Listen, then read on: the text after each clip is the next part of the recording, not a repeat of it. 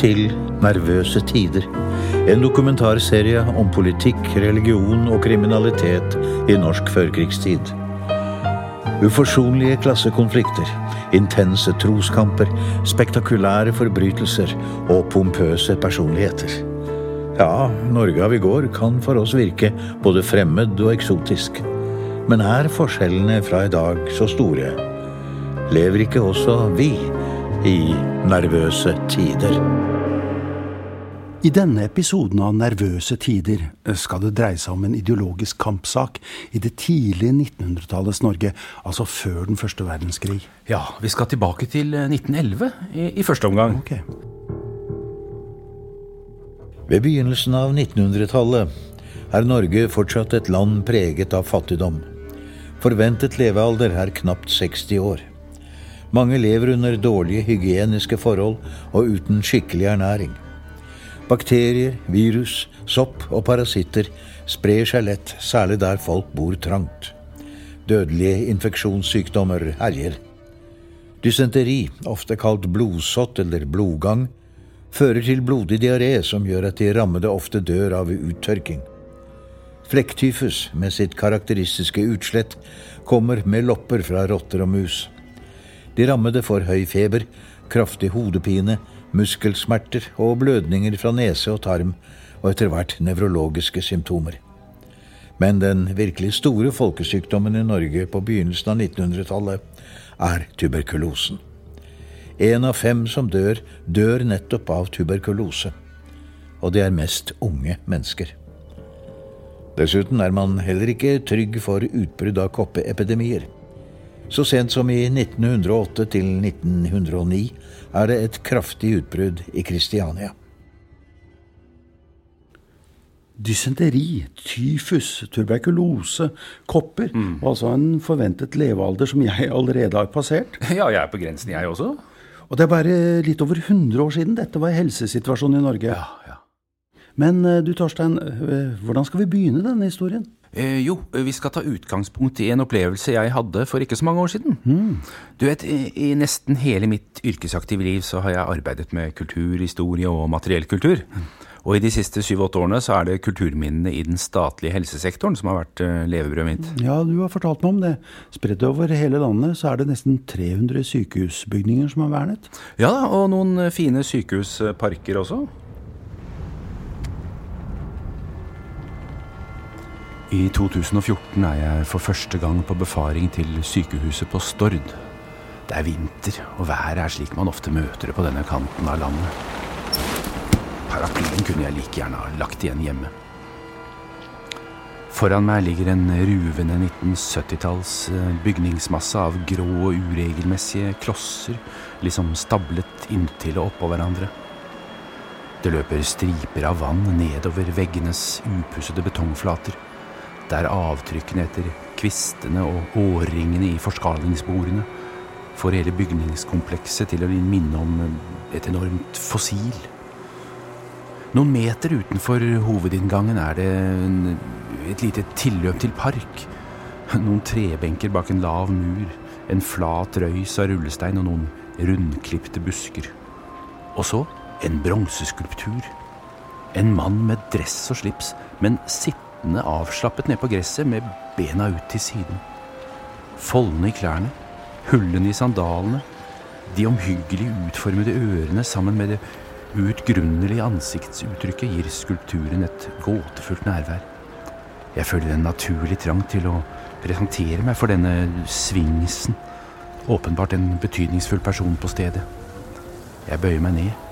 Våre blikk møtes, og jeg strekker hånden Avisholm! Hei! Du må komme inn her!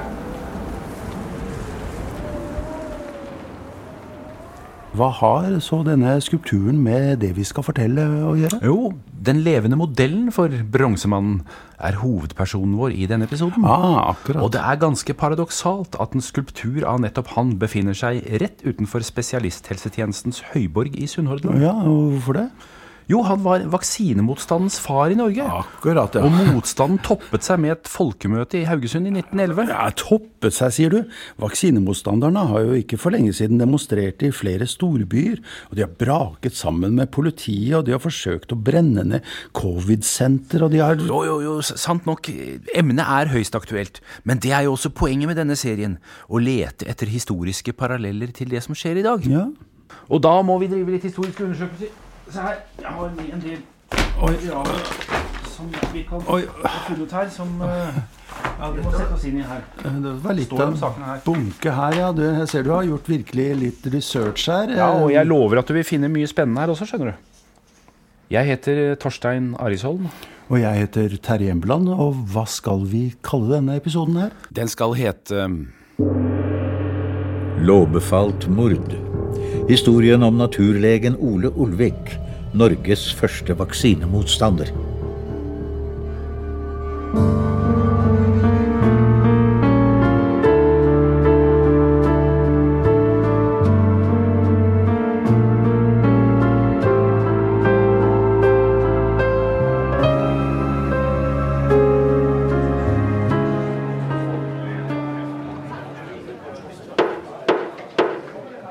Ærede forsamling. Kjære venner av sunnhet og helse. Til sist vil jeg bare si dere at forslaget til vaksinasjonslov vil berøve oss selvbestemmelsesretten over våre egne legemer. Den vil tillate distriktsleger og politi med vold og makt å bryte inn i våre hjem og bortføre våre barn for å impode dem en gift. Den vil gjøre tidligere sunne legemer syke. Dette folkemøtet i Haugesund fant sted søndag 9. april 1911. I lokalene til Godtemplarenes Dramatiske Selskap. Mannen som holdt det innledende foredraget, var Ole Olvik. Olvik, eh, var det bronsemannen du møtte? Akkurat.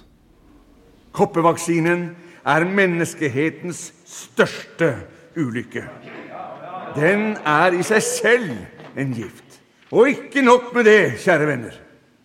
Den er også en viktig årsak til tuberkulosens utbredelse idet den fører med seg andre smittestoffer som blir sprøytet inn i kroppen. Tvungen vaksinasjon er lovbefalt mord!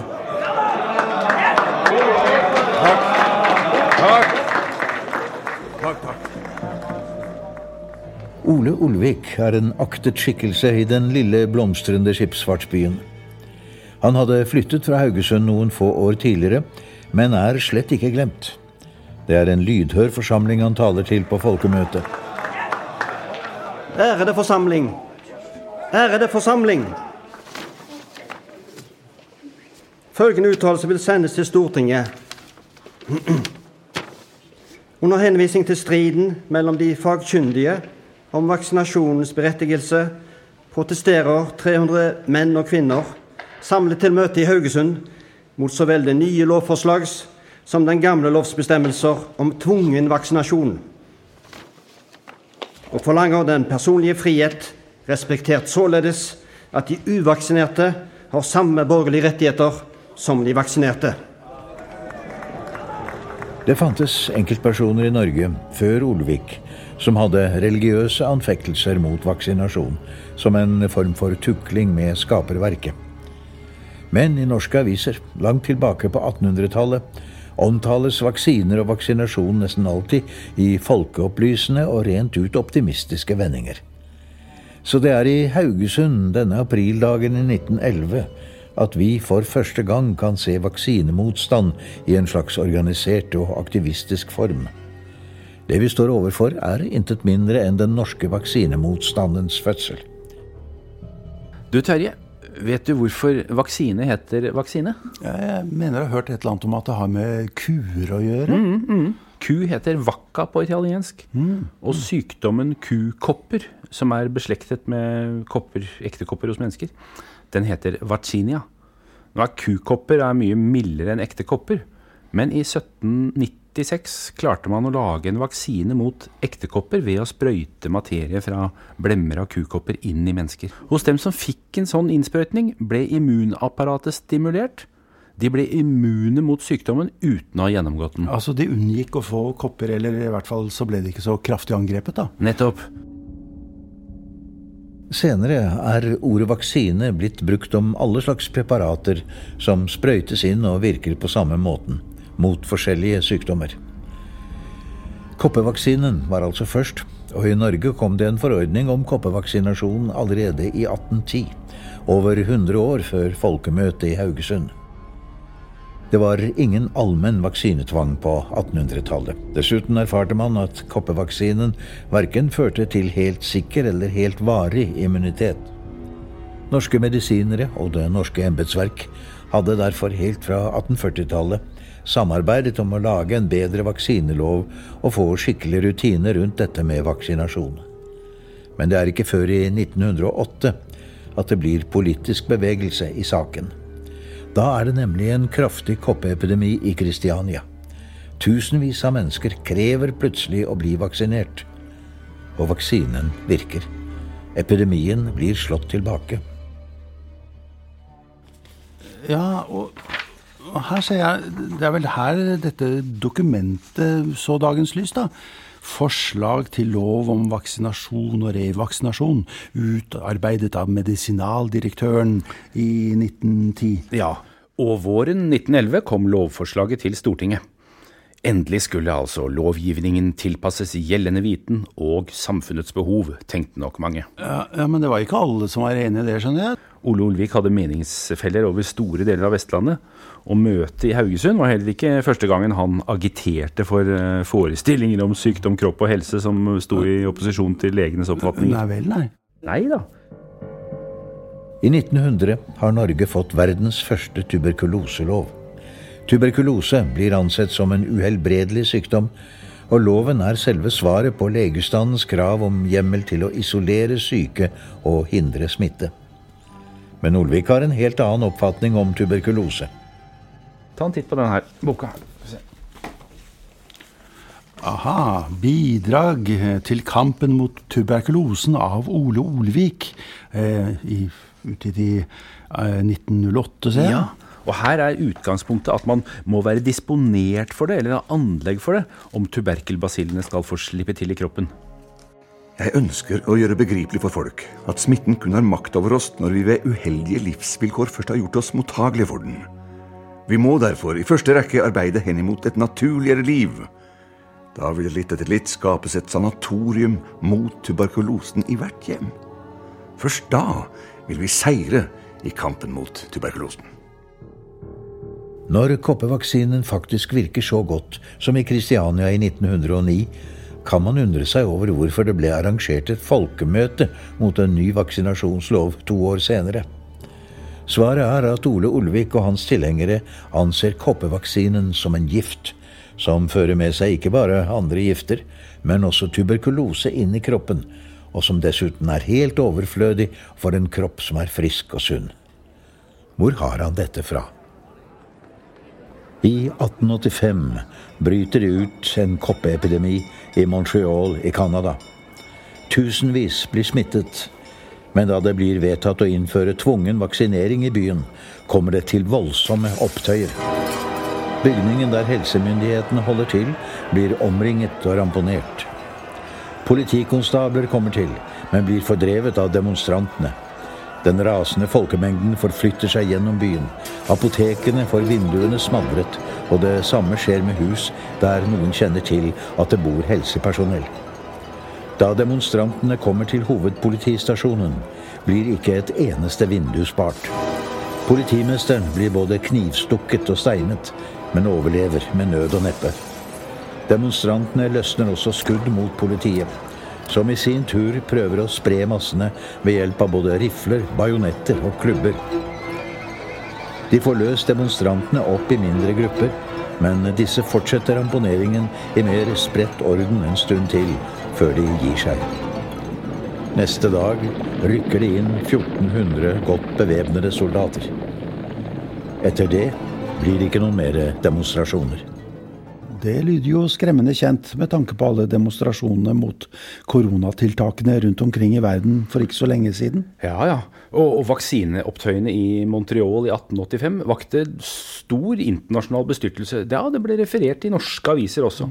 Men det ble ingen vaksinemotstandsbevegelse i Norge, verken på 1880- eller 1890-tallet. Nei vel. Nei da, det første oppslaget om vaksinemotstand jeg har funnet i noen norsk avis, er datert 8.9.1889. Skal vi se. Her. Ehm, en kongress mot vaksinasjon skal i disse dager avholdes i den franske hovedstad. Kongressen er organisert av Antivaksinistenes internasjonale liga. Det er et ungt selskap som imidlertid hurtig brer seg. Ligaen bekjemper av all makt den tvungne vaksinasjon og påstår at det kun er for sin egen materielle fordels skyld at legene holder på den. Ah, så det er legene selv som har økonomiske interesser av å tvinge oss til å ta en unødvendig vaksine. Mm, Det argumentet kjenner vi jo også igjen. Eh, Så det fantes allerede noen internasjonale strømninger som Olvik kunne vært påvirket av. Ja, det gikk ikke så mange år før det oppsto et lite nettverk som hadde mange alternative synspunkter på religion og vitenskap også her hjemme i Norge. Olvik kom i kontakt med dette på 1890-tallet. Det ga ham en ny livsanskuelse, og kombinert med personligheten og engasjementet hans, hadde han alt som skulle til for å bli norsk vaksinemotstandsfar. Men eh, selve innholdet i dette miljøet og Olviks vaksinemotstand, var det på noen måte originalt? Ja, Det er et stort spørsmål, Terje, ikke minst når vi har trukket inn Olviks ideologiske nettverk. Men vi kan jo begynne med å se på den medisinske delen av spørsmålet. La oss konsultere den helsehistoriske ekspertise. Her, er det, her har vi sprøyter som, som eh, ble brukt mot uh, koppevaksiner, f.eks. fra for alt 1908 i Kristiania. Ja, ja, ja. Dette er eh, størrelsen på de sprøytene man hadde. og dette, man, man, måtte jo sterilisere dem mellom hver gang. Ja. Ja, nå er vi i Ullevål sykehusmuseum, og her er vi sammen med museets leder, eh, Borghild Roald. Og før du ble eh, interessert i medisinhistorie og ble museumsleder her, så har du jo et innholdsrikt liv som eh, spesialist i patologi å se tilbake på, har du ikke det? Jo. Eh, før jeg spør deg om vaksiner og vaksinemotstand, så kunne jeg tenke meg å høre din kommentar til eh, Olviks oppfatning om tuberkulose. Kort sagt eh, så var Ole Olviks eh, oppfatning om tuberkulose beviselig feil. For eh, vi vet at det er tuberkelbasillen som er årsak til at man får tuberkulose. Men, men hvor mye av dette visste man i, i 1908, da Olvik skrev dette her? Kunnskapen var der helt klart i 1908. Eh, I 1882 hadde eh, Robert Koch, en tysk lege og bakteriolog, oppdaget tuberkelbakterien, altså mycobacterium tuberculosis. Eh, Han hadde sett den i mikroskopet, han hadde studert den. Og, veldig viktig, han hadde vist at tuberkelbakteriene fremkalte tuberkulose hos forsøksdyr. Og for all denne kunnskapen så fikk han nobelprisen i fysiologi og medisin i 1905. Så altså tre år før eh, Olvik skrev sin bok i 1908. Helt klart mot bedre vitende, høres det ut som du konkluderer. Ja, helt klart. Så er det koppevaksinen, da. Er det noe som helst riktig at det kan følge uønskede stoffer med i en vaksine? F.eks. tuberkelbasiller, eller at man kan bli smittet av syfilis? Eh, man vet at eh, det historisk har forekommet kraftige reaksjoner pga. uønskede stoffer som har fulgt med i vaksiner. Og Derfor har eh, i alle årene hvor man har brukt eh, vaksiner, har produsentene av vaksinene vært veldig opptatt av å utvikle renere og renere vaksiner for å fjerne komponenter som ikke hadde betydning for selve vaksinen. Men eh, eh, som jeg sa, kan man bli smittet av syfilis gjennom eh, en eh, vaksine? Da må det være noen som har bevisst puttet eh, syfilisbakterier inn i vaksinen. Uansett hva man mener er årsaken til tuberkulose, enten man eh, er oppdatert innen medisinvitenskap eller eh, hørte på Olvik, så er vel dette at man må rette kampen inn mot årsakene til tuberkulose, det må jo være et godt eksempel på tidlig sosialmedisinsk tenkning. Jo, Ole Olvik har helt rett i at det er viktig å sørge for en god folkehelse. Slik at eh, dette med, med, som Olvik var opptatt av, med at man skulle ha god ernæring, er en kjempeviktig ting. Men Olvik gikk jo et skritt lenger. Han, han påsto at en, en, en, sunn og frisk kropp den, den holder sykdommen på avstand, den, eh, rett og slett av seg selv. Og, og derfor trenger den ikke vaksiner. Det, det, var vel å gå litt langt. Det er å gå veldig langt. Men du, du får en mindre alvorlig sykdom dersom du er i god ernæringstilstand. Nei, men Det er jo noen nå under, under covid-epidemien som sa at nei, jeg er så sunn og sterk, og sånn, så jeg trenger ikke vaksine. Brukte du det som et argument? Nei, det holder ikke. Uh, Olvik kjente ikke sin samtids beste kunnskap, har du uh, klart fortalt oss. Uh, det ser jo ut som han benyttet samtidens tvil og usikkerhet til å fremme sitt alternative syn. Det gjorde han. Og han var jo overbevist selv om at dette var Det var ikke noe hold i dette som disse som snakket om vaksinen. Vaksinen var mye farligere enn det man ville ha det til, og vaksinen hjalp ikke. Men vi vet jo at han tok feil. For kopper har vi jo eh, beviselig klart å utrydde.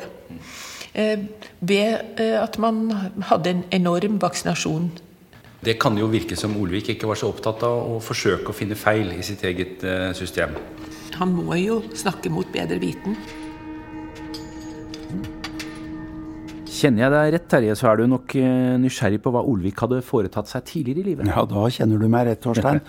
For det må jo ha vært noe i hans bakgrunn som har gjort ham til en sånn mm. stridbar og aktivistisk personlighet. Mm. Vi, vi begynner med begynnelsen. Ole Olvik ble født i 1858. Eh, Olvika er faktisk en liten plass innerst i Brandsfjorden. Eh, Brandsfjorden? Ja, Bjørnør prestegjeld. Altså. Eh, Bjørne ja, Altså Åfjord kommune nå, innenfor Bessaker. Altså, ja, nå må du hjelpe meg litt, Torstein. For du vet jo hvor omtrentlig min eh, kunnskap om norsk geografi er. Altså. Ok, greit. altså På utsiden av Fosenhalvøya, sånn midt mellom Trondheim og Rørvik omtrent. Aha, ja. altså han var ikke noen bygutt oppvokst i matrosdress? Nei, vi snakker om virkelige småkårsfolk. altså. Seks-syv år gammel må fattiggutten begynne å arbeide. På familiens gård og for naboer. Litt skolegang får han også, og Ole lærer lett. Drøyt 20 år gammel kommer han inn på den toårige underoffiserskolen i Trondheim. Underoffiserskolene er attraktive læresteder for unge menn uten penger til høyere skoler og studier. Man får en viss allmenndannelse og teknisk kunnskap som kan være nyttig også utenfor det militære. Utover plikttjenesten blir det heller ikke noen militær karriere for Olvik. Til gjengjeld legger han ut på en ambisiøs klassereise som oppfinner-gründer. Og han er ganske hyperaktiv i årene som følger.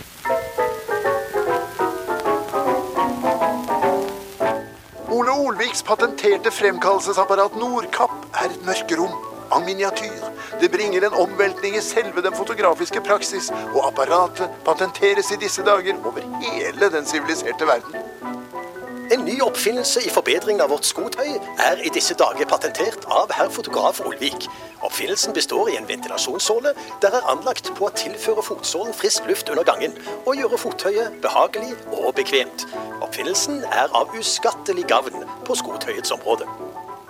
På Bergensutstillingen deltok fotograf Olvik med fotografiske artikler. Et fremkallingsapparat, et kopieringsapparat samt prøver av celluloidpapir av eget fabrikat. For kopieringsapparatet høstet Olvik hederlig omtale.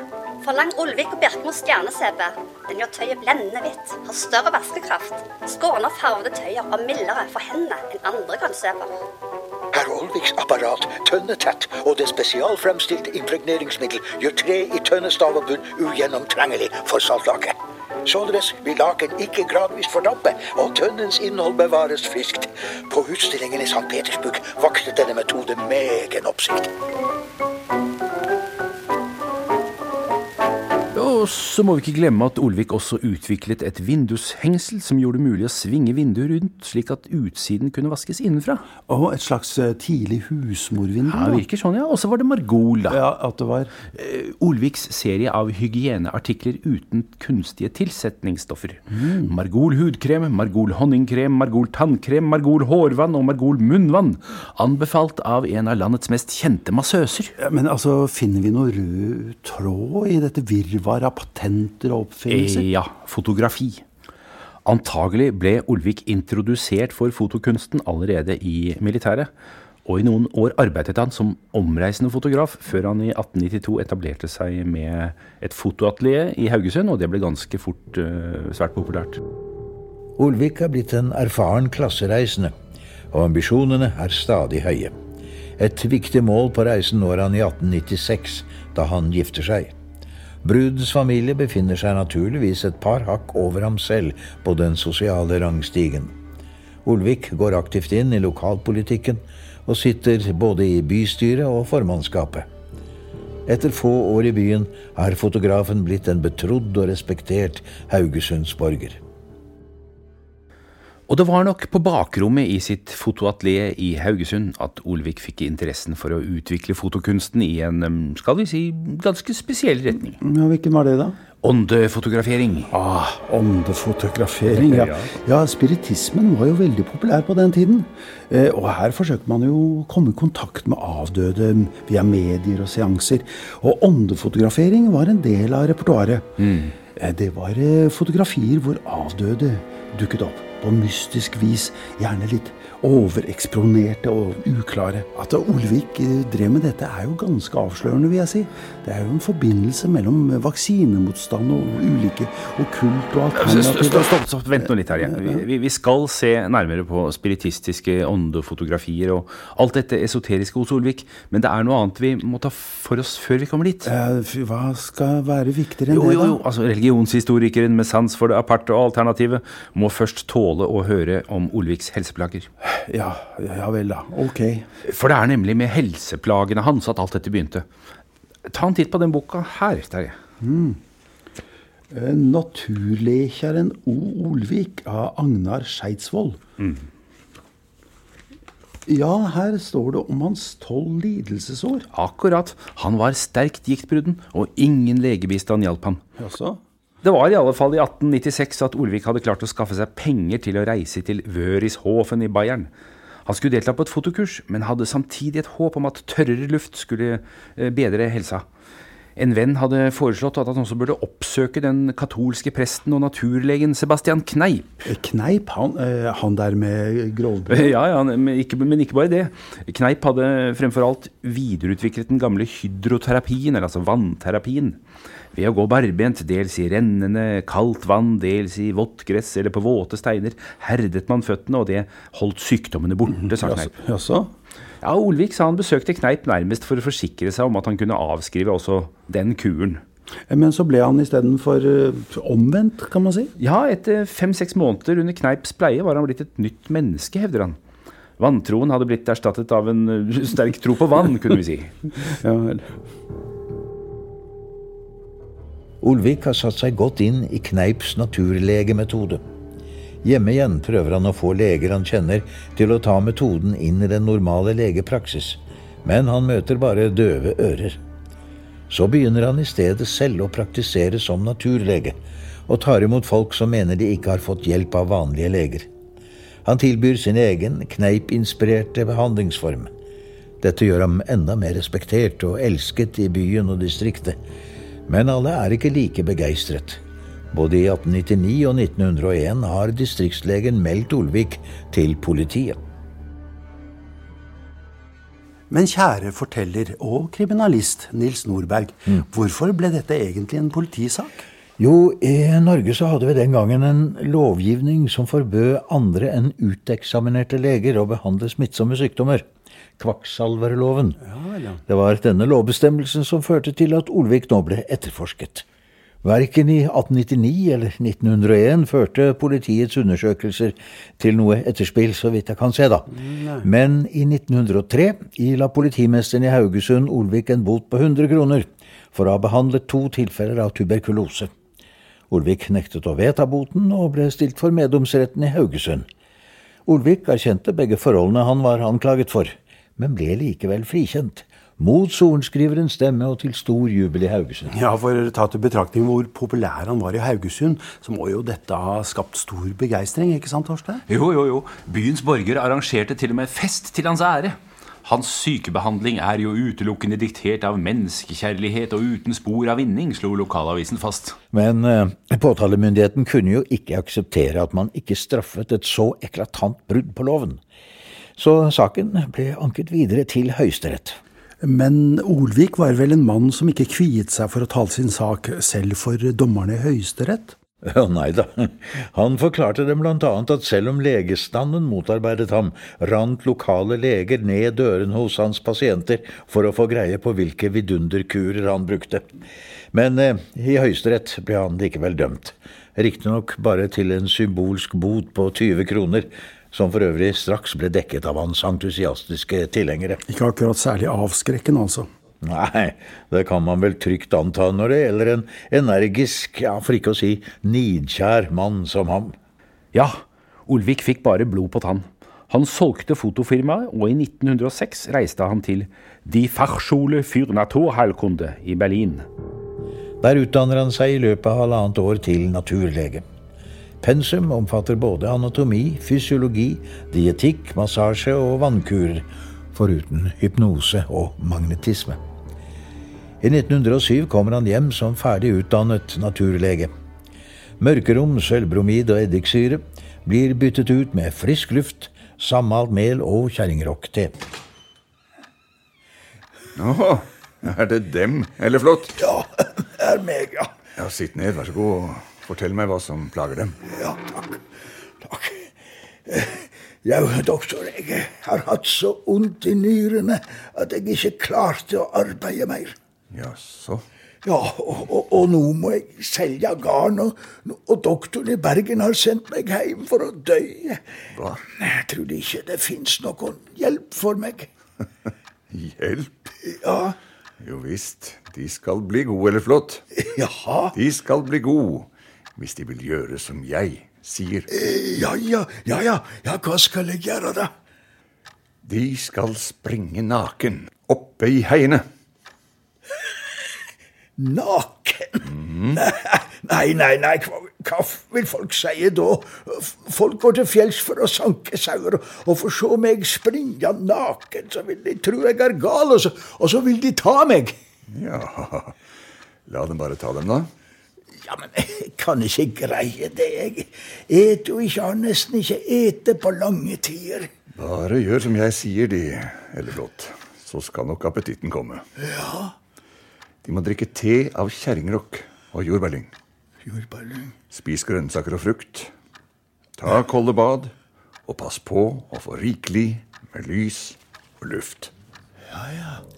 Men Olvik skjønner snart at det ikke er blitt noe lettere å komme på talefot med legestanden. Og det går ikke mange månedene før det nok en gang begynner å storme rundt ham. Igjen ender det i retten.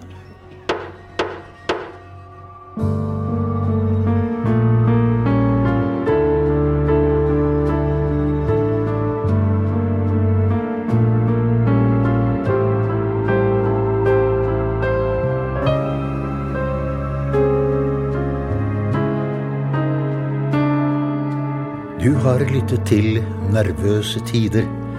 En dokumentarserie om politikk, religion og kriminalitet i norsk førkrigstid.